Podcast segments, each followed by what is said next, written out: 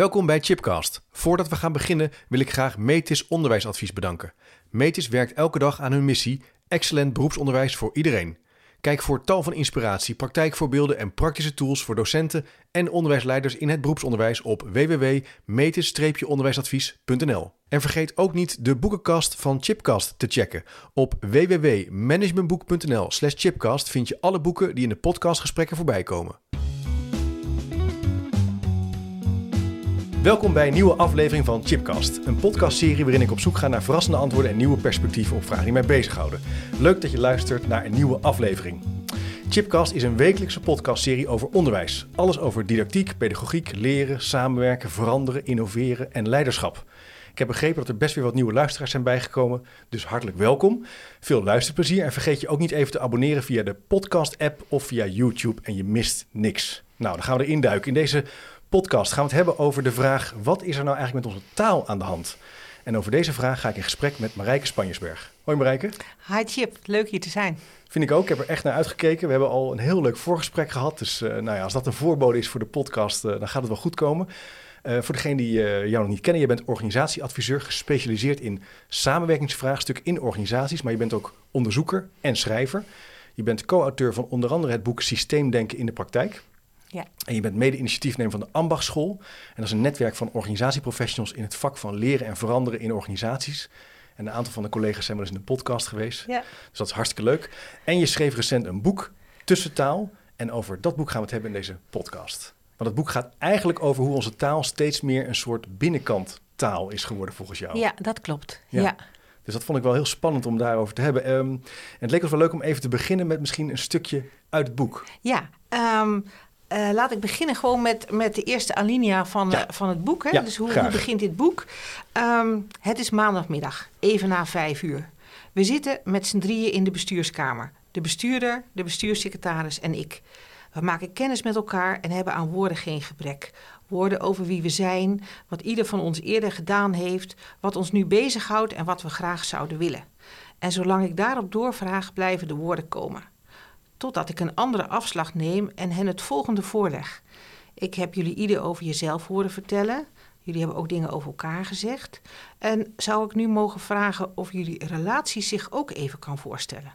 Wat gaat er tussen jullie heen en weer en hoe zouden jullie dat noemen?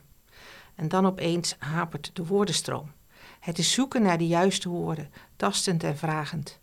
Het lijkt wel alsof we hier veel minder taal voor hebben, zegt de bestuurder. En de secretaris knikt. Kijk, nou, hoe loopt het af? hoe loopt het af? Nou, dat was wel heel grappig. Want uh, um, hè, wat, ik, wat ik beschrijf is dat zolang je vraagt naar hè, wat wil je graag, ja. uh, wat heb je gedaan, wat zit je dwars, uh, wat houd je tegen, dan komen de antwoorden echt heel makkelijk en ja. heel snel. Ja. Dat vinden we hele gewone vragen. Hè? En als ik dan vraag, maar zou ik jullie relatie nou ook eens wat vragen mogen stellen? Dat mensen dan denken, ja, maar uh, ho even. Maar het interessante was dat toen ik dat vroeg, was wel het eerste moment waarop ze elkaar aankeken. Ja. En aan elkaar begonnen tastend te vragen van, volgens mij, volgens mij zit het tussen ons wel goed, toch? Hè? En, en, dus er stond, ontstond voor het eerst iets van wederkerigheid. Ja, ja, ja. Dat is eigenlijk mooi, hè? Ja. Dus dat, want kijk, een relatie bevragen doen we eigenlijk niet. Hè? Dus, dus we zeggen, een relatie heeft geen telefoonnummer en geen e-mailadres. En dat kan je ook niet op cursus sturen. Nee, Weet je, nee, dat, is allemaal, niet. dat gaat allemaal niet. Hè? Maar het is misschien wel een, een gebied van, van onderzoek. Maar we hebben er heel weinig taal voor. En dat was Ja. het begin van dit boek. Ja. Als, als we die relatie nou serieus nemen, hebben we daar dan taal voor? Dat was eigenlijk mijn vraag. Ja. Spannend. Het is Ja. leuk om het in, de- in deze podcast wat verder te verkennen. Ik kan me ook wel voorstellen dat veel van de vragen die in organisaties eh, spelen... en waar we ja, beweging op willen creëren of verbetering... dat dat ook relationele vragen Ja. zijn. Dat zijn niet altijd meer vragen van... eh, ja, Piet functioneert niet of eh, Nee. die afdeling doet het niet goed. Het hangt allemaal samen hè, Ja. vandaag de dag. Ja. Maar daar ja. zijn we eigenlijk dus niet zo goed in om daar Ah. met elkaar over te praten. Ik denk eigenlijk dat we daar nog wel wat werk op te doen hebben met elkaar. Ehm, want het is waar, hè? De, de noodzaak om samen te werken is heel groot. Ja. En, en dat weten we natuurlijk ook. En tegelijkertijd is er toch, toch best veel individualiserende taal, ook als het over samenwerkingsvraagstukken gaat. Hè? Ja. Dus, dus het, het individualiserend denken is toch ook in organisaties heel sterk, als ik eerlijk ben. Ja? Ja, Ja. ja. En dat komt misschien, eh, hoe komt dat dan? Hoe komt dat dan? Ehm, nou, we zouden daar natuurlijk een fantastisch psychologisch antwoord op kunnen geven, maar dat, hè, dat laten we trouw zijn aan, aan wat dit boek probeert te doen. Eh, en ik weet eigenlijk ook niet of, daar, of er psychologische verklaringen voor zijn. Ik weet het gewoon niet. Maar ik heb, ik heb het een beetje gezocht in um, ja, meer ja, cultuurhistorische verklaring. Ja. En ik ben uh, ooit op een zomervakantie heb ik besteed aan het lezen van Charles Taylor. Um, de bronnen van het zelf. Dat is echt een vuistdik boek. Um, en wat hij doet, is hij beschrijft eigenlijk 23 eeuwen cultuurgeschiedenis. En uh, hij begint bij Plato en hij eindigt bij Freud. Ik zal zo even wat stapjes daarin in toelichten. Ja, ja. Maar zijn conclusie was eigenlijk dat onze westerse cultuurgeschiedenis is een geschiedenis van toenemende internalisering. Dus we zijn eigenlijk steeds verder naar binnen gedraaid. dus het begint bij Plato. En Plato had eigenlijk helemaal nog geen binnenkant. Die had een ziel aan die binnenkant en die moest je zorgen dat die goed in het midden zat. En dan had hij had een soort draaischijf-idee. Dan moest je die ziel gewoon richten op het goede buiten je. En dan kwam het gewoon goed. Dus Plato was eigenlijk redelijk leeg aan de binnenkant.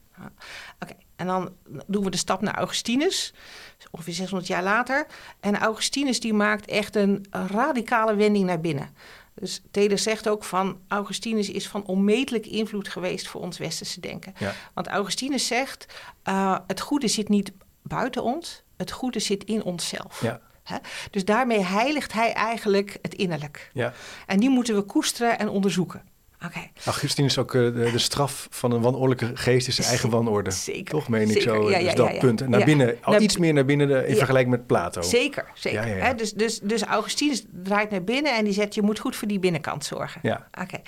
Um, nou, en dan, en dan nog een stapje verder. Dan komen we bij Descartes. En die, die, en die ontdekt dat we een ratio hebben. Ja. En een vrije wil. Ah, dus wordt die binnenkant nog interessanter. Hè? Want er gebeurt van alles wat, waar we heel goed voor moeten zorgen. En eigenlijk hè, zit alles wat belangrijk is en waarmee we richting geven aan ons leven, zit aan de binnenkant. Ratio en vrije wil. Nou, dan komt Montaigne en die zegt: Oké, uh, ja, die binnenkant, hè, dat, is, dat is interessant, maar um, we hoeven, we hoeven niet, niet dat al te heilig te maken. Maar als je nou die binnenkant, gewoon, als je daar nou goed voor zorgt en je leven een beetje op orde brengt. Dus hij is eigenlijk de man van het moderne zelfonderzoek. Hè? Dat je niet zomaar weet wie je bent, maar dat je dat een beetje moet uitzoeken. Ja, wat werk te doen. Uh, daar heb je werk te doen aan die binnenkant. Oké, nou, dus, dus dan hebben we Descartes gehad. Nou, dan komt natuurlijk de romantiek en dan ontdekken we de emoties. Hè? De man met gevoel, hè? Ja. die Leiden des jongen wetters, hè? dus de, de Ja, ja, ja. huilende man. Nou, dat is, dat is een heel nieuw, heel nieuw gezichtspunt eigenlijk. Dat emoties ook heel belangrijk zijn.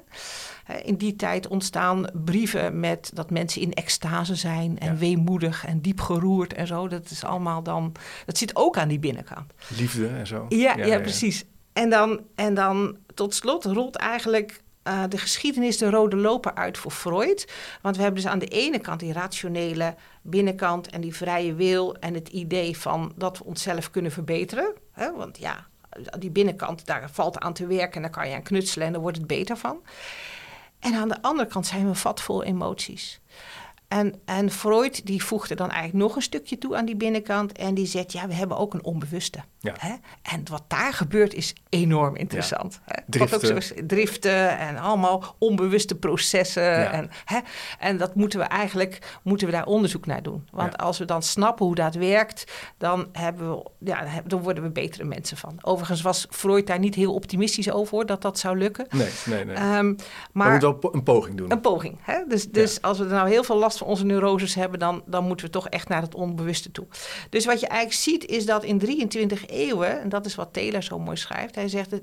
Het is eigenlijk laag voor laag hebben we er iets toegevoegd Ja. aan die binnenkant. Naar binnen, naar binnen, naar binnen. En, binnen, en hij wordt steeds interessanter. Ja. En we moeten er steeds meer voor zorgen. Maar het voelt ook alsof het een beetje eindigt, eh, zo van niet helemaal de bedoeling. We gaan wel erg veel naar binnen. Het is eigenlijk wat hij ook Dat zegt. is wel, zei hij, Ja, ik heb het boek niet gelezen, maar dat is ook wel zijn punt. Ja, dat is ook wel echt zijn punt. Dat hij ook zegt van ja, hè, uiteindelijk zijn we ook relationele wezens. Ja. Hè? En, en, maar we hebben wel enorm geïnvesteerd op die binnenkant. Ja. Ja. Maar, en wat heb je, als we dan weer teruggaan naar het vak van organiseren en veranderen en ontwikkelen. Hoe speelt die taal en ook die relatie met naar binnen en naar buiten dan een rol in, in veranderen en in jouw, in jouw vak ook als, Ja, ja, als adviseur? ja.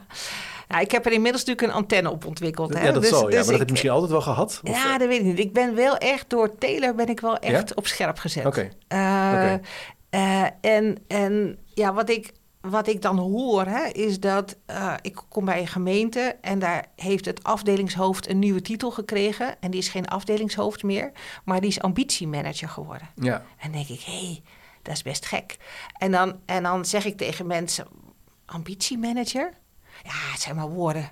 Ja, dat is niet zo. Hè? Dat is niet zo. Woorden zijn wel heel betekenisvol. Of eh, je hebt niet meer een voorlichtingsbijeenkomst, maar je hebt een inspiratiesessie. Ja. Of je hebt niet zomaar een jaarplanoverleg, maar je hebt een drijfverengesprek. Dus, dus als je ziet hoeveel binnenkant taal erin organiseren en in het werk met elkaar eh, gebezigd wordt. Ja. En je gaat daar eenmaal die antenne, dan denk je, het is zoveel binnenkant. Ja, want inspiratiesessie, als we dat even erbij pakken, Ja. dat zo van, jij moet nu geïnspireerd Ja. worden. Moet, jij moet geraakt worden Ja. en je moet naar huis met een soort, Ja, en daar dat. zit een soort, eigenlijk ook een soort norm op om naar binnen toe te gaan. ja, ja, En dat, ja. is, dat is een beetje gek. Dat is een beetje gek, want, want dat is eigenlijk niet zo maakbaar. Hè? Nee. En, en, Ja, en ik maak het zelf wel uit of ik... Zo is zo- het. Zo is dat- het, hè? Ja, dat, ja, hè? dat. Dus, dus we zijn uiteindelijk natuurlijk toch gewoon eigenaar van onze eigen binnenkant. Ja, En, en dat is ook wat dat tussentaals probeert te doen. We moeten het doen met wat we allemaal kunnen zien en allemaal kunnen horen. En van de binnenkant van de ander moet je eigenlijk een beetje afblijven. Want daar gaat een ander over. ja, ja. Dus eigenlijk gaan we dus eh, proberen die anderen al te bewegen, te veranderen met allerlei Ja. slimme trucjes in taal. En jij zegt eigenlijk daarmee, dat is al problematisch. We zouden veel meer met elkaar het over die relationele taal Ja. moeten hebben. Bijvoorbeeld, ik vind het heel erg belangrijk wat we aan het doen zijn. Hoe vind jij dat eigenlijk of zo? En hoe kijk jij naar dit vraagstuk? Ja. En En, dan en, wat is nou de, de, de- hè, dus wat is nou de kwaliteit van die relatie? En is die ook tegen een stootje bestand? Wat doen we nou als we het echt moeilijk krijgen met elkaar? Hè? Ja, En, en als we het hebben over samenwerken, dat is dan zo'n op zich populair woord. Hè?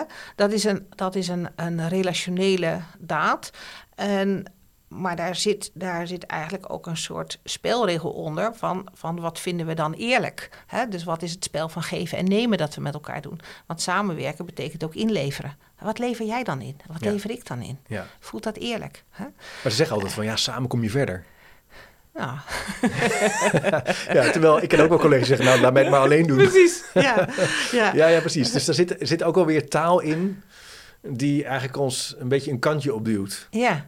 En dat hoeft helemaal niet zo te zijn. Nee. En daar, en daar praten we niet over. nee, en daar hebben we het dan eigenlijk niet over. Ja, liever niet. Liever niet, nee. Ja, nee. want dan is het natuurlijk het idee, er komt er gedoe, ja of dan komt er gedoe en, en, denk ik dan hoor. en er zit een soort geloof in dat als je heel veel investeert in de binnenkant van mensen, dat het dan automatisch beter wordt. Ja, Hè, dus, dus ik doe veel met in conflict situaties. Ja. Dus dat is, dat is waar ik kijk. En, en wat je dan ziet, is dat niet het probleem is het probleem, maar de persoon is het probleem geworden. ja, En als die dan in en aan zichzelf gaat werken, hè, dus zelfinzicht is de meest populaire oplossing voor een conflict.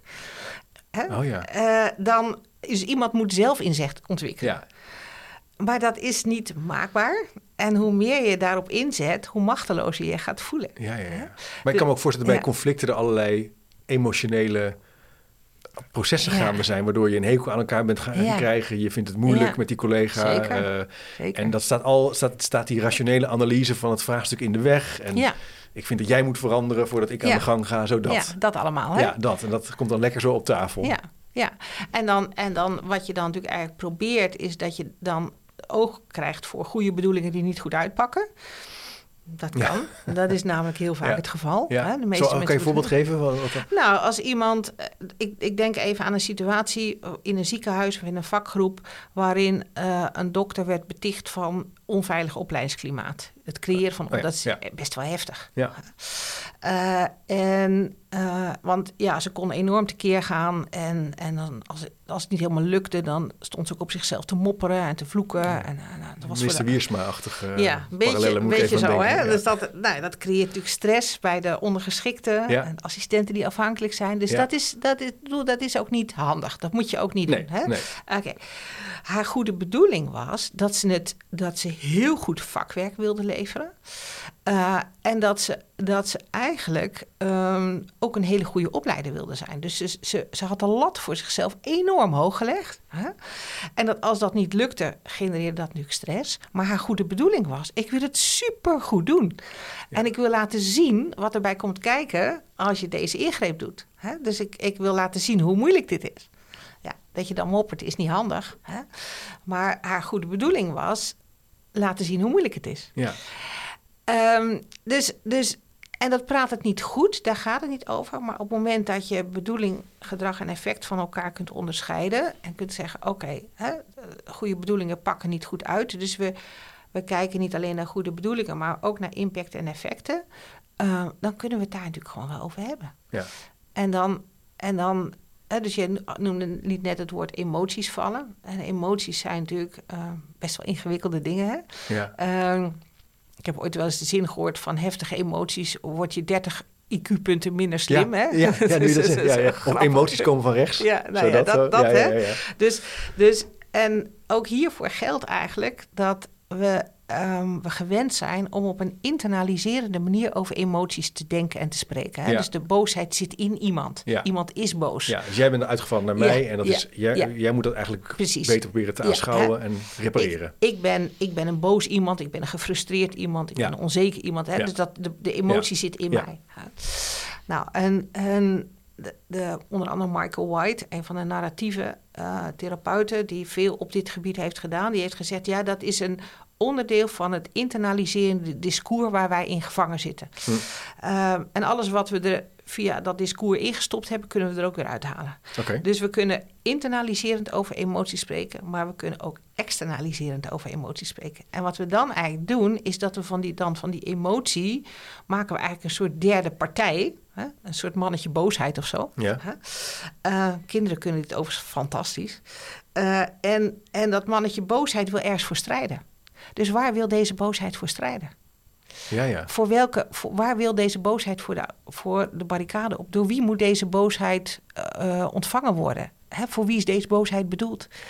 En wat hoop je eigenlijk dat daar- ermee gebeurt? Dan haal je hem dus een beetje uit het individu Ja. als het ware. Je Ja. trekt, je zet hem ernaast Ja. op tafel. En je probeert op die manier Ja. te kijken naar de, naar de kwestie waar je voor, met elkaar bij elkaar komt. En hoe die emo- emotie dan meedoet. Wat En je probeert te beschermen. echt gelijk een ander gesprek. Ja, dat, kan dat voel ik ook wel als je dat zo Ja. zegt. Hè, ik had Maar dan kan je niet nog, steeds denken, ja, maar dan is die chip nog steeds een eikel. Zo dat. Of nog steeds doet hij het heel onhandig. het wordt zachter. Het wordt wat zachter. Het wordt zachter. Oké, oh, gelukkig. Ja. Ja, nee, het wordt echt zachter. Want, want we gaan wat minder individualiseren en psychologiseren. Ja. Maar we leggen meer toch het, het vraagstuk waar het over gaat op tafel. Ja, ja, ja, maar dat is natuurlijk het punt. Ja. Je kan daarmee, je komt toe aan de inhoud. Ja. Het feit wat er mis is gegaan in nou, ja, dat, dat voorbeeld in het ziekenhuis of een andere kwestie.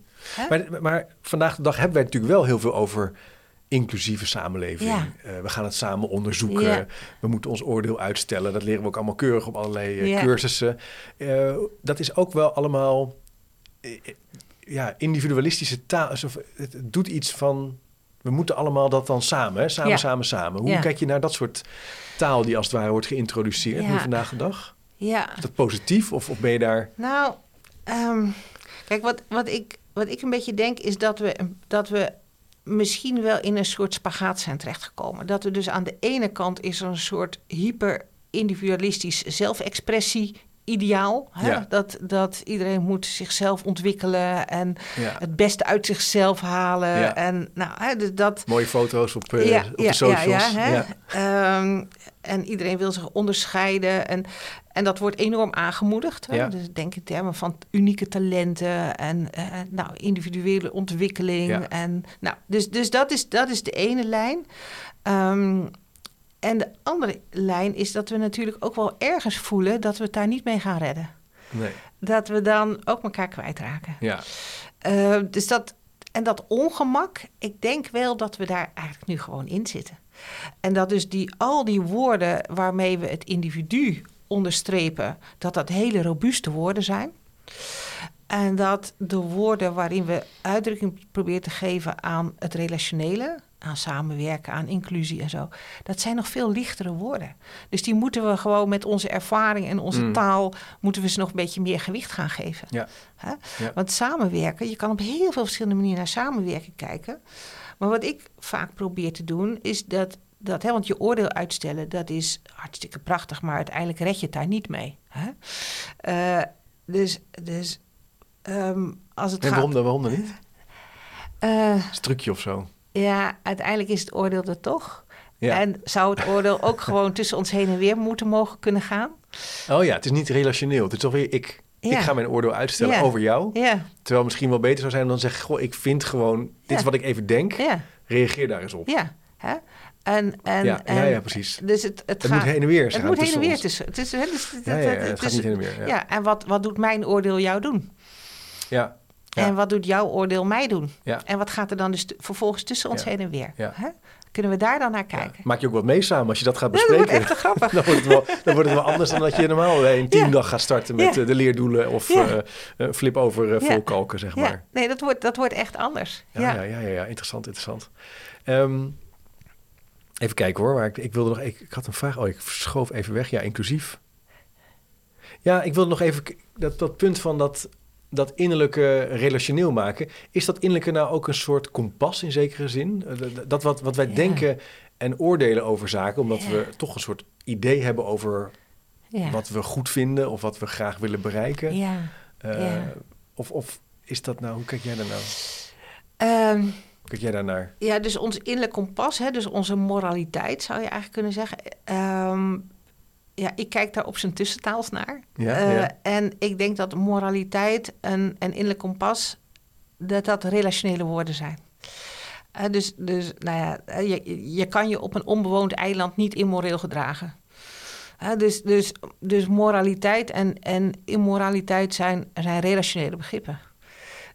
Dus het innerlijk kompas is een, is een verinnerlijkt kompas. Hm. Iets wat we met elkaar ontwikkeld hebben. En, en om bij elkaar te blijven hebben we een soort gedeeld kompas nodig. Hè? Eh, waarin we met elkaar een beetje voelen van wat is hier oké, wat is hier niet oké, wat wordt Mm. hier zeer op prijs gesteld, wat kan echt niet. Hè? Dat we daar wat bandbreedtes op ontwikkelen. Eh, en natuurlijk zijn daarin verschillen, maar wat we met elkaar daarop delen is veel groter dan onze individuele verschillen. De meeste mensen zijn het gewoon over wat wel en niet oké is, best eens. Ja, ja. Ja. Dat klopt. Dat is, dat, ik moet denken even aan een voorbeeld eerder met de podcast Eva Nijkens te gast gehad, schoolleider van basisschool. Die zei ja, als het gaat over juist gedrag in de klas, Ja. 90% van de kinderen is er wel eigenlijk over eens eh, hoe, hoe het gaat als je naar het toilet Ja, wil en wanneer je tuurlijk. stil moet. Dat is niet zo'n probleem. Dat is allemaal Het niet zo bijzonder. Nee, dus daar moet je ook eigenlijk niet zoveel, dat moet je gewoon goed organiseren. Ja, ja, Maar ik zit wel te denken, ik heb eerder met Klaas Rozemond gesproken, een podcast over hoe een goed leven te leiden en welke filosofie je daarbij kunnen redden. En hij had het, waarschijnlijk zeg ik het nu niet helemaal goed, maar hij zei toch zoiets van, je moet eigenlijk als je goed leven wil leiden vooral je tot de feiten eh, verhouden in de Mhm. samenleving. Kijken wat, wat is er gaande in de wereld en je daar je gedrag op aanpassen en dat innerlijk daar een soort keuze voor maken. Wat Mhm. nou eigenlijk goed is en dat moet je je aan houden. Ja. Dat categorisch imperatief van, ja, ja, eh, van Kant. van Kant. Ja, en dat, ik, prachtig. waarschijnlijk ver, verhaspel ik het nu helemaal, nee, maar... nee, maar dat is... Ongeveer, maar jij zegt eigenlijk iets an nou, anders. Jij zegt eigenlijk, nee, wacht even. Dat is altijd dus relationeel. Ja, nou ja, het goed doen is het goed doen in de ogen van de ander. Ja, Eh, ja, precies. Hè, dus, Ja. dus om hem eventjes weer, weer naar het, het, het, het, het werk te, te trekken. Eh, ik heb ooit een, eh, had ik een, een jonge vrouw die bij mij kwam met een coachvraag. Ja, En de coachvraag was, zij was een succesvol jonge ambtenaar bij een ministerie. En ze deed het supergoed. En haar directeur had tegen haar gezegd... nou, als jij het goed doet, dan zit je over drie jaar op mijn plek. Hm. Oké. En ze kwam bij mij en zegt, nou, ik wil er alles aan gedaan hebben, dus hier ben ik. Ik wil coaching, want ik wil over drie jaar op die plek zitten. En toen vroeg ik aan haar, wanneer doe jij het nou goed in de ogen van jouw directeur? En zij zei, ik heb geen idee. Hm. Dus, dus wat we doen is het goed doen, gaan we eigenlijk lostrekken van, van de relatie. We gaan hem een beetje objectiveren. ja, Maar het is natuurlijk iets relationeels. ja. Ja, het hangt af van, ja. Maar ook wel gek dat je dan niet weet... Nee, Ja, dat kan ook, dus dat je iets gaat doen voor de ander of zo. Omdat je dan dat de- denkt dat dat goed is. nou, je, denkt, je, je denkt dat het goed doen een objectief iets is. Ja, ja precies. En dat is, er, dat is dat dus is, niet zo. Het is iets Want relationeels. als er een andere manager Ja. was geweest... waren er waarschijnlijk andere dingen. Ja. Nou ja, het, gezegd het- of- dus het goed doen is, is iets relationeels en contextueels. Dus, dus dat is Ja. Hè? En, en het misverstand is dat het, dat het losse dingen zijn. Ja. Hè, dus er, dat is natuurlijk wat, je, wat, wat de systeemdenkers ook altijd zeggen. Hè? Er is geen losse inhoud. Inhoud zit altijd aan mensen vast. Ja. Dus ja. elk vraagstuk is daarmee, elk inhoudelijk vraagstuk is daarmee per definitie ook een Ja. samenwerkingsvraagstuk. Dus, ons, dus ons innerlijk is altijd verbonden aan Ja. ons uiterlijk. Ja. In de zin uiterlijke Ja. relatie. Ja. Alleen dat zijn we een beetje gaan vergeten. Dus Ja. we zijn allerlei gekke taal gaan ja, maken. ja. Eh, en- komt die taal ook dan, is die afkomstig? Ik moet dan ook denken namelijk uit, aan ja, onze samenleving. Individualistisch ingericht, social media. Maar ook het eh, bowling en loan idee, hè, sociaal kapitaal, wat eigenlijk minder en minder is. Hè. Mensen zijn niet meer zo actief in Nee. gemeenschappen. Eh, eh, dat werk is heel erg belangrijk geworden. Het, het, het presteren, het ik, ik, ik. Is, is dit daar een soort correlatie tussen wat jou betreft? Nou ja, dat is wel wat je ziet. Hè? Dus, je, dus je ziet inderdaad een sterke ehm, ehm, ja, accent op eh, het individueel goed hebben. En eh, ja, individueel betekenisvolle dingen doen, Ja. of leuke dingen doen, of nou, belangrijke dingen doen. Hè? Is- En ja, we weten natuurlijk uit onderzoek dat, eh, dat eh, zingeving en, en iets van een ge- geluksgevoel hebben, dat ontstaat vooral door iets voor een ander te doen. Ja. Hè? Dus, dus het ontstaat in betekenisvol zijn in de relatie tot een ander. Ja. En dat heeft overigens niks Ja. met leuk te maken. Want vaak zijn dingen, Nee, soms is het ook gewoon, dat doe je gewoon. ja. En dan is het op dat moment misschien niet leuk in de zin van eh, heel veel ijs eten of een film kijken. Maar Nee. het betekent omdat je daarna denkt, nou dat heb ik, heb ik goed gedaan, dat was belangrijk. ja. De wereld een beetje beter gemaakt. Ja, nou dat hè. Dus, dus ons relationele handelen levert ons meer zingevingspunten op dan zingeving ergens eh, eh, ja, op, het, op een top van een berg gaan zitten of zo. Ja. Hè? Dus dat is Ja. toch echt. Op solo. eh, op- het- ja, dat is ook weer toch, dat, dat punt ja, van eh, weer naar jezelf terugkeren. ja, Eigenlijk zeg jij, je zou juist naar buiten toe in verbinding moeten keren. In moeten zijn, want dat is eigenlijk een belangrijk Ja. punt. ja, dat klopt. Dat klopt. Hm. En dat is, dat is helemaal niet zo makkelijk in een context waarin eh, we het heel erg hebben over hè, sturen op resultaatgerichtheid, op eigenaarschap, op wendbaarheid, op. Nou, noem het maar op, hè? Ja, Eigen verantwoordelijkheid. Optimalisatie. Ja, Sneller, sneller, sneller. ja, Groei, groei, groei. En eigenlijk, want dingen voor anderen doen, daar staat niet direct onder de streep iets.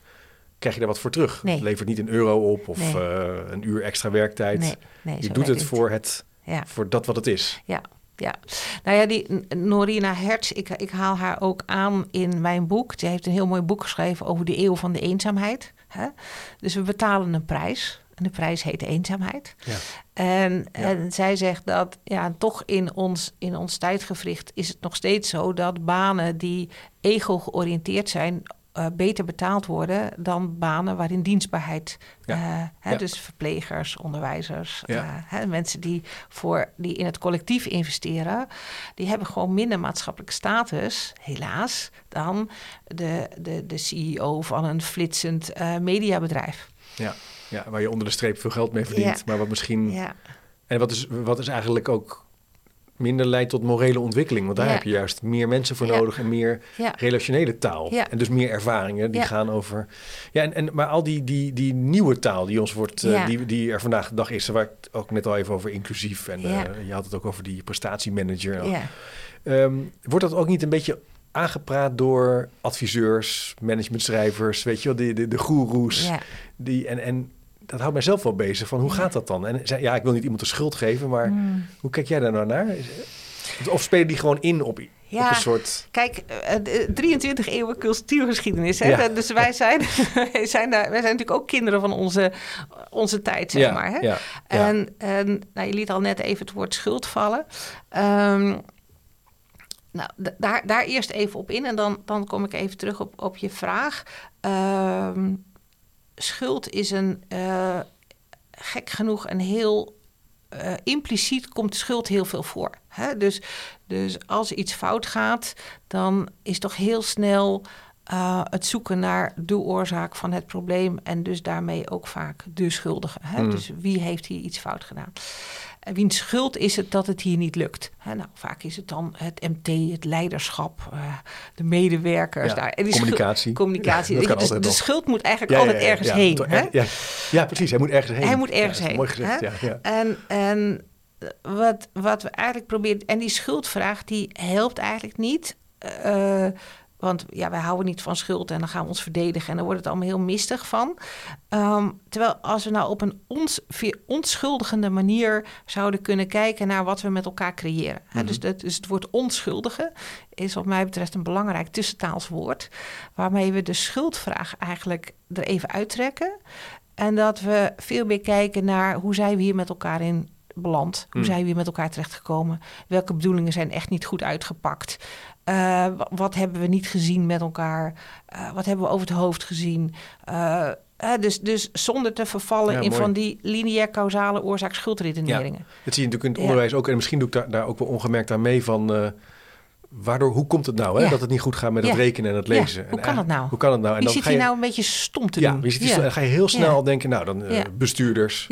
Of schoolleiders of leerkrachten, PABO.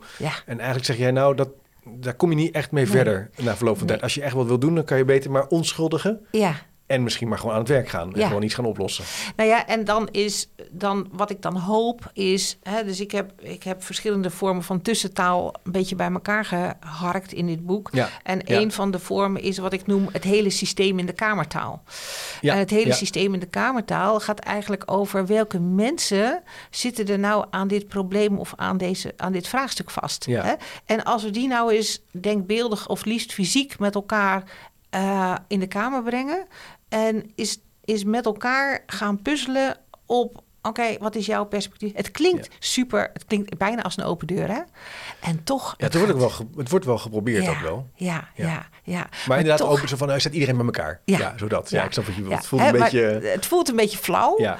Maar het gaat toch echt nog heel vaak mis. Ik, ik, ik sprak laatst iemand en die zei: Ja, we hadden een, een heel goede sessie. Want we, nou, we hadden allemaal enorm veel problemen. En toen dachten we: We gaan even quick wins doen. Ja. Quick wins is Lekker gewoon even... Super. weet je, tien quick wins. Hartstikke idee. Weet je? Nou. En, maar de eerste quick win bleek een aanpassing te zijn in het telefoonsysteem. En ICT zei, ja, dat kan helemaal niet. Nee. Weet je hoe ingewikkeld dat is? Ja. Hè? Quick dus, los voor ICT. Ja, dus, dus wat... En dat is natuurlijk de tragiek, dat je eigenlijk is je uitsnede altijd te klein. Ja. Ja, oké, maar ik kan het helemaal even. Ik volg het helemaal, maar dit vind ik ook moeilijk, omdat moet je dan alleen maar. want hoe groot ga je dat dan? Ja. Dus op een gegeven moment. Systemen zijn onbegrensd. Hè? Ja, nee, maar je kan niet met iedereen gaan praten. Nee. Ja, of wel. Misschien dat jij wel zegt, nee, dat moet je wel doen. Ja. Nou ja, maar, maar begin eens goed na te denken over wie zit er hier aan het vraagstuk vast. Hè? Ja. En, en nou, ik ken bijvoorbeeld een aanpak um, huiselijk geweld, waarin het hele systeem in de kamer is en waar de heilige spelregel is: er wordt nooit gesproken zonder het gezin en zonder de kinderen. Nooit. Door geen enkele hulpverlener. Uh, dat is echt spectaculair en super effectief. Ja. Hè?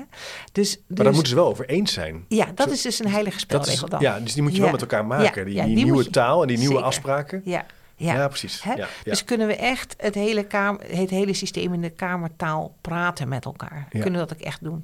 Dus, dus, als je nu luistert en denkt, hey, zouden we dat ook kunnen doen met onderwijs? Nooit over kinderen praten. Ik ben benieuwd of dat nou zou kunnen. Ja. Maar goed, dat moeten we dan maar eens even. Nou, het zou wel een mooie, mooie experiment zijn. Ja. maar dat is eigenlijk dus ook de juiste. Kijken wie zijn, wie zijn er allemaal verbonden aan het vraagstuk. Met hen samenkomen, onschuldigen. Onschuldigen. En kijken naar en ook je taal analyseren. En zeker zin in een soort reflectief proces. In, plaats van, en dat is toch, ik denk dat ik daar ook wel mee doe, snel een oplossingen. Het is natuurlijk heel menselijk om te zeggen, nou gaan we dit, zodat dan even dit gaan opruimen of we gaan dat doen. Ja, dan fixen we hem. Fixen we het wel even. En je zegt, nou, dan moet je een beetje mee oppassen. Ja. Um, Jij hebt het ook wel over uh, woorden als transparantie. Ja. Dat is denk ik niet een nieuwe taal die jij zo nee, nee, bezig nee, wat, wat, wat, heb je nou met dat woord transparantie? Ja, wat heb ik met het Klinkt woord eigenlijk wel goed, toch? Dat is een supergoed woord, ja. maar er zit een addertje onder het gras. Ja. Hè? En, en, want kijk, iedereen wil graag transparantie. En daar kan je ook niet tegen zijn. Nee. Um, waar, waar die misgaat, is dat je denkt dat transparantie maakbaar is. Dus dat je inzet dat je inzet op transparantie. Um, het verlangen snap ik helemaal. Maar als je zegt, goh, we gaan nou een heidag doen... en nou moet gewoon de onderstroom maar eens op tafel, komen. Hartstikke idee. Hè? Ja. En dan huren ze iemand in en dan mag hij of zij dat Iemand die heel goed is in onderstromen op tafel krijgen. En een beetje confronteren. Ja, en die, en die goed in staat is om, dat, om mensen er niet mee weg te laten komen. Nou, je voelt al wat ik aan het doen ben. Ja, je ik ben gewoon, gewoon druk aan het genereren op openheid. Hè? Druk genereren op openheid, ja. En, en op het moment dat ik dan onderdeel ben van zo'n zo'n groep en nee, maar ik voel me hier toch niet helemaal lekker. En ik weet niet of ik het, of ik het aandurf om echt te zeggen hoe ik erover denk. Dan ga ik mij een klein beetje. Uh, ja, zeg maar op mijn hoede zijn. En dan ga ik zeggen, nou, ik weet het niet zo. En dan hè, de adviseur die zegt dan van, oké okay, Marijke, maar je bent nu aan het duiken. Nou, nou eventjes zeggen hoe je er echt over denkt. Hè? En dan zeg ik, nou, ik voel er eigenlijk niet zoveel voor. Je, zit toch echt in de weerstand, hè? Dit is echt niet wat we hier kunnen gebruiken. Ja, ja. En we willen juist een transparante ja, gesprek op gang brengen. En dan zit jij niet te zeggen wat er eigenlijk aan de hand is. Ja, hè? Dus, dus daarmee kom ik in conflict met de openheidsnorm. En mijn punt is eigenlijk dat je kunt...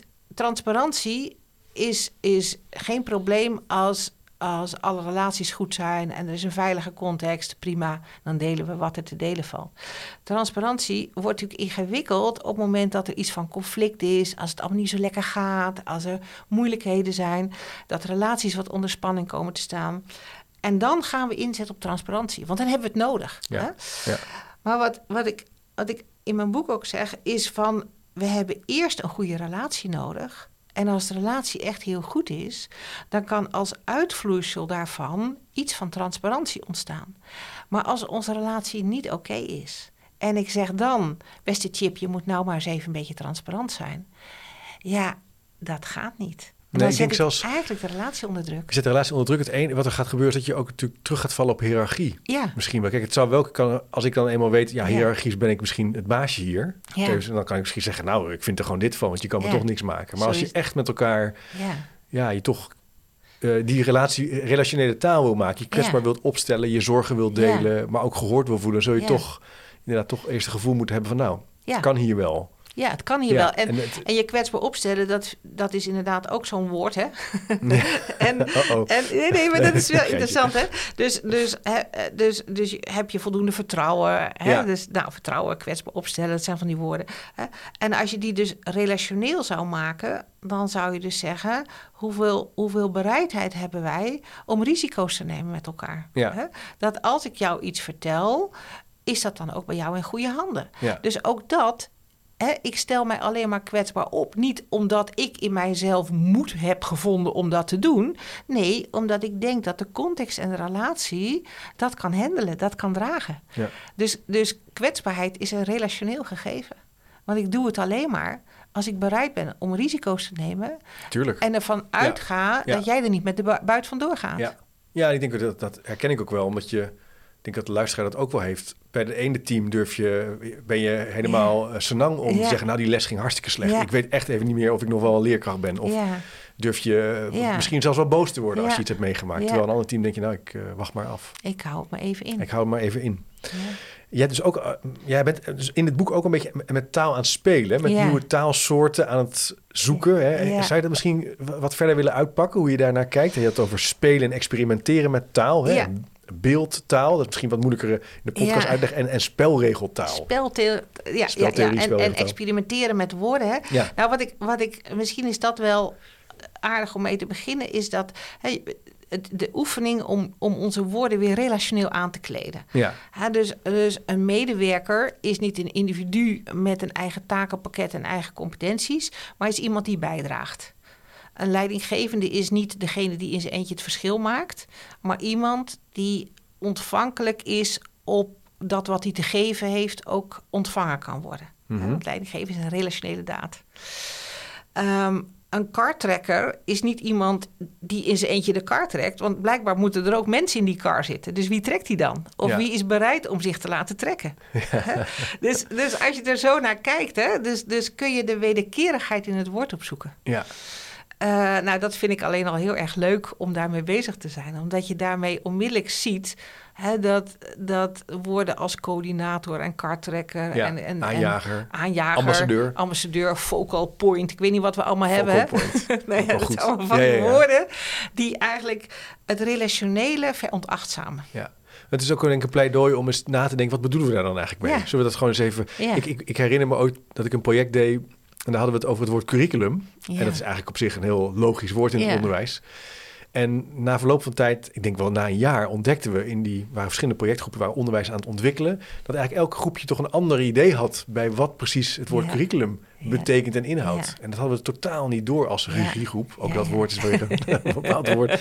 Ja. Maar het heeft heel erg geholpen om überhaupt met elkaar te... Goh, wat bedoel jij nou met, met curriculum? En wat bedoel, bedoel jij met implementeren? Ja, ja, wat dat is is ook dat? zoiets. Wat is dat eigenlijk? Ja. En ja, of je moet in een soort... Ja, een beetje legerachtige constructie van je moet gewoon dit doen. Maar Ja. dat is natuurlijk niet het geval. We willen Nee. toch met elkaar... Nee, ja, zo doen we het niet. Dus is een beetje puzzelen, met elkaar Ja, nou op ja. onderzoek gaan. En dat implementeren vind ik dus alweer een leuk woord. Want wie zit er daar dan, aan vast? Hè? Wie zit er aan het woord in? Wie moet. Wat moet er dan bij wie geïmplementeerd niet worden? alleen de manager, niet de onderwijs, maar ook de, leer, de docenten in dit geval. Maar dan heb je ook stage. Dit was een mbo-instelling. Je hebt stagecoördinatoren, werkveld, ouders, ja, en alumni. hebben die Nou, dan al. een, een, een implementatievakje waar dat in kan? Of hoe werkt dat Ja, dat dan? vonden wij Of- wel. Nee. nee, maar dat kan je wel. Je kan wel snel ook in je projectplannen eh, vervallen in dat soort. Hè, daar hebben we een tijdspad. We gaan onderwijs ontwikkelen. Dan hebben we dat gemaakt.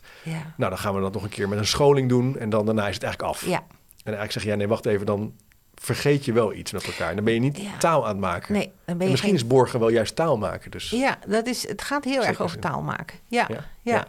Ja. ja. dus, dus het woorden re- relationeel aankleden, dat is eigenlijk, hè, dus dat is, dat is wat, ik, wat ik wel probeer. Hè. Dus wie, wie of wat zit er aan dit woord vast? En als je het over bijvoorbeeld implementeren hebt, wordt, praat, praat iemand dan ook terug? Hè? ja, Uh, Ja. wat, wat, is het, wat is het andere woord wat dan... Hè, dus als implementeren uh, de opgave is, wat is dan het antwoord? Wat gaat er dan heen en weer? Geen idee. Hè? ja, het heeft iets weg. Ik kan me, dat het een beetje een soort eh, kwantitatieve benadering is. Kijk, als je koelkasten verkoopt, kan je zeggen... nou, we willen straks 20 koelkasten verkopen... en verkochten de vorige maand acht. Ja, Maar bij onderwijs is dat natuurlijk al Nee. veel minder. Je wil dat die student misschien, eh, nou, wat het ook mag zijn... eh, op een andere manier zijn examenformulier invult... of eh, reflecteert op zijn leeropbrengsten. Ja. Dan wordt het al heel veel Ja. ingewikkelder. nou ja, dus dat is ook wat je zou kunnen zeggen... dat inderdaad bij materiële vraagstukken... Hè, waar, waar eigenlijk geen mensen aan vast Als mijn koelkast stuk is, dan wil ik de oorzaak van het probleem weten... en dan gaan we het fixen. En mijn koelkast praat niet terug. Nee, Hè? Dus dat zijn lineair causale... ja, dat zijn lineair causale eh, redeneringen. Redeneringen. En, redeneringen, ja. en terwijl zodra er mensen aan het vraagstuk vastzitten, ontstaat die circulaire causaliteit. Dat mensen ook terugpraten, dat er, dat er Ja. actie en reactie is, dat Ja. er wederkerigheid is, dat Ja. er van alles gebeurt. Hè? Eh, en dat we dus eigenlijk taal moeten maken voor die wederkerigheid. Ja. Wat, wat gaat er dan ja, ik ben er helemaal. Ik, ik, het enige wat ik er nog wel. wat ik zelf ingewikkeld vind eraan. kom je dan niet in een soort. Dat je altijd met elkaar. in een soort. so- altijd met elkaar heel veel moet praten. Een soort sociaal constructivistisch Ja. er is geen werkelijkheid meer, alleen maar interpretatie. En wat is dan nog. sommige Nee. dingen zijn toch wel duidelijk, denk ik dan. Hè? Sommige dingen zijn ook en moet je dan niet. En, Ja. krijg je een soort. nou, niet, niet dat jij dat zegt hoor, maar. kan dat niet leiden tot een soort. heel veel praten en weinig doen? Ja, nee, we gaan vooral dingen doen. Ja, ja. Ja, daar hou ik ook erg van. Ja, want dat zei jij in het begin Ja. ook van gewoon werk doen. Hè? Dat Ja, is eigenlijk gewoon wat je gewoon- uiteindelijk doet. Hè, Maar dus- herken je dat? Dat, dat ja, een ja, soort ja, soms nee, dat is niet ook mijn- in ons vak van veranderen en leren. praten. Praten, praten, praten Ja. en eh, weinig Ja. eh, meters maken. Ja, ja, ja. Nou ja, en ik, dus ik denk wel hè, van, we moeten niet meer praten, maar we moeten vooral anders praten. Ja, Hè? ja, ja. ja, dus, dus op het moment, stel je voor dat je, dat je, een, een organis dat je worstelt met je resultaatgerichtheid. Hè? Dat de opbrengsten onvoldoende zijn. Dat je denkt, ah, dat die resultaat, die goed. raadsgerichte oriëntatie, het gaat gewoon echt niet goed. Hè?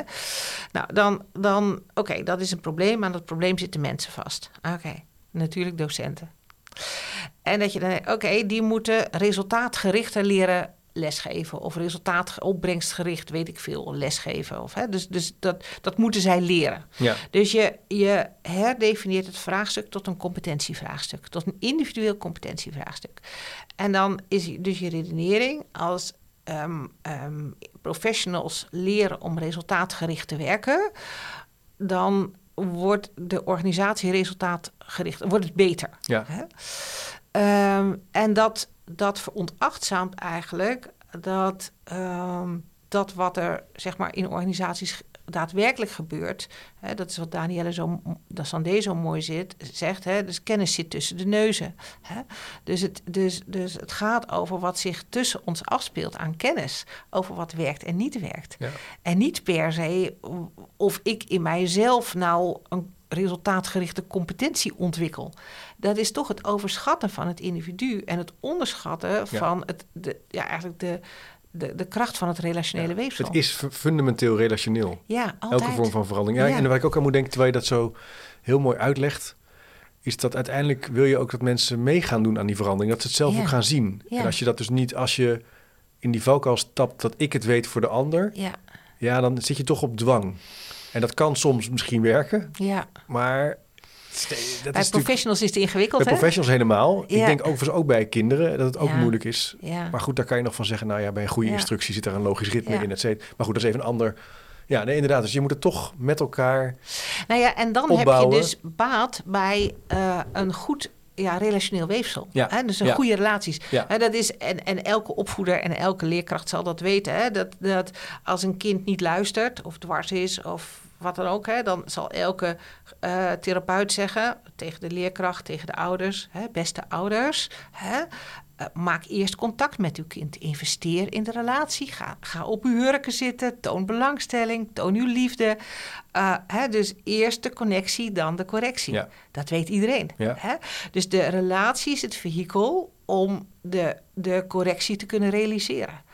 En dat weten we allemaal. Ja, En als we aan het werk zijn, lijkt het net alsof we het vergeten zijn. ja. En dan proberen we om eigenlijk uit contact Ja. toch die ander te ja, corrigeren. toch te gaan corrigeren. En dan hebben we daar allerlei mooie taal voor. Ja, want dan moet jij resultaatgerichte competenties ontwikkelen. Dus dat moet je eigenlijk ook als, als je dat als leider dus wil bereiken, moet je het dus ook gewoon voordoen. Laten zien hoe het werkt. Vanuit de relatie. Ja. Dus arm eromheen, maar Ja. ook duidelijke regels. Ja, tuurlijk. Zo Hè, antroposofisch perspectief. Ja. En dan samen gaan eh, bouwen. Dus dan moeten we toch wel praten, maar wel met, een, met goede taal. ja, met goede taal. Met nieuwe taal, tussentaal. Ja, Nou tussentaal. ja, Gewoon leuk, Marijke. Nou ja, fantastisch om hier met je over van gedachten. Dus we hadden nog een laatste gedachte Ja. voor een, nou ja, opdracht. Als je nu luistert en je denkt, hey, ik ben nieuwsgierig geworden, ik wil wat met dit boek. Ehm, hebben we een soort challenge. ja. Dat is ook weer een Engels woord, hè? Maar wel ja, leuk. Een leuke challenge. Maar kan je, me- kan je me eens Ja, toelichten? Ik zal, het lijkt mij echt fantastisch als ehm, mensen die door dit verhaal op de een of andere manier aan het denken zijn gezet, ehm, is, zouden willen kijken naar een tekst van hun eigen organisatie, een, een missie-visiestatement, een website-tekst, een veranderd document. Het maakt eigenlijk niet uit wat. En dat je dan twee, twee markers pakt, eh, twee verschillende kleuren. En dat je eh, de ene kleur gebruikt om alle woorden en zinnen die raken aan dat in- individualiserende en, en psychologiserende discours, dat je die de ene kleur geeft. En dat je zegt, nee, maar dit is echt tussentaal. Hè? Dus dit gaat echt over wat er zich tussen ons afspeelt. En daar is ook best wel goed over nagedacht. Ja. Hè? Dus het is niet alleen maar inclusie of samen, maar er zit ook iets in. Ja. We hebben daar. En, en dat je dan eens kijkt hè, van, van hoe ziet dat kleurenpalet eruit? En hebben we dan heel veel woorden als, als moed en daadkracht en wendbaarheid en zelfinzicht en allemaal dat soort dingen? Of hebben we ook woorden als relationele verantwoordelijkheid, eh, verschilzicht, wederkerigheid? Nou, dat soort dingen. Daar ben ik heel erg benieuwd nou, naar. Ga, eens, ga eens even kleuren. Ja. Maak er een foto van. Mail het mij. En dat kan naar chipcast. Eh, nee, info.chipcast.nl of naar chip.me.com. Komt altijd terecht. Je kan ook even naar chipcast.nl gaan. En dan krijgen de eerste paar inzendingen een boek. Ja, Toch? Gaan we doen. leuk. Je kunt het boek ook bestellen eh, via Managementboek, via mijn boekenkast. Dus als je daar nu naartoe gaat, dan vind je het ook. Als je nu kijkt eh, op YouTube, houd even zo in de lucht. Marijke, dankjewel voor het leuke gesprek. Heel graag gedaan. We gaan nieuwe taal maken, mooie taal, tussentaal. Bedankt voor het luisteren. Vergeet je ook niet te abonneren. Ik vind het heel fijn als je de tijd wil nemen een review te schrijven over dit gesprek. Nou, een paar mooie zinnen die je kunt Ja. opschrijven. Hoe eerlijk, hoe beter. Let op. Zo is het. En dat kan op Spotify, Apple Podcast of YouTube. En dat helpt je voor de zichtbaarheid van het kanaal. Dus daar ben ik altijd blij mee. En ik zou zeggen, tot de volgende keer.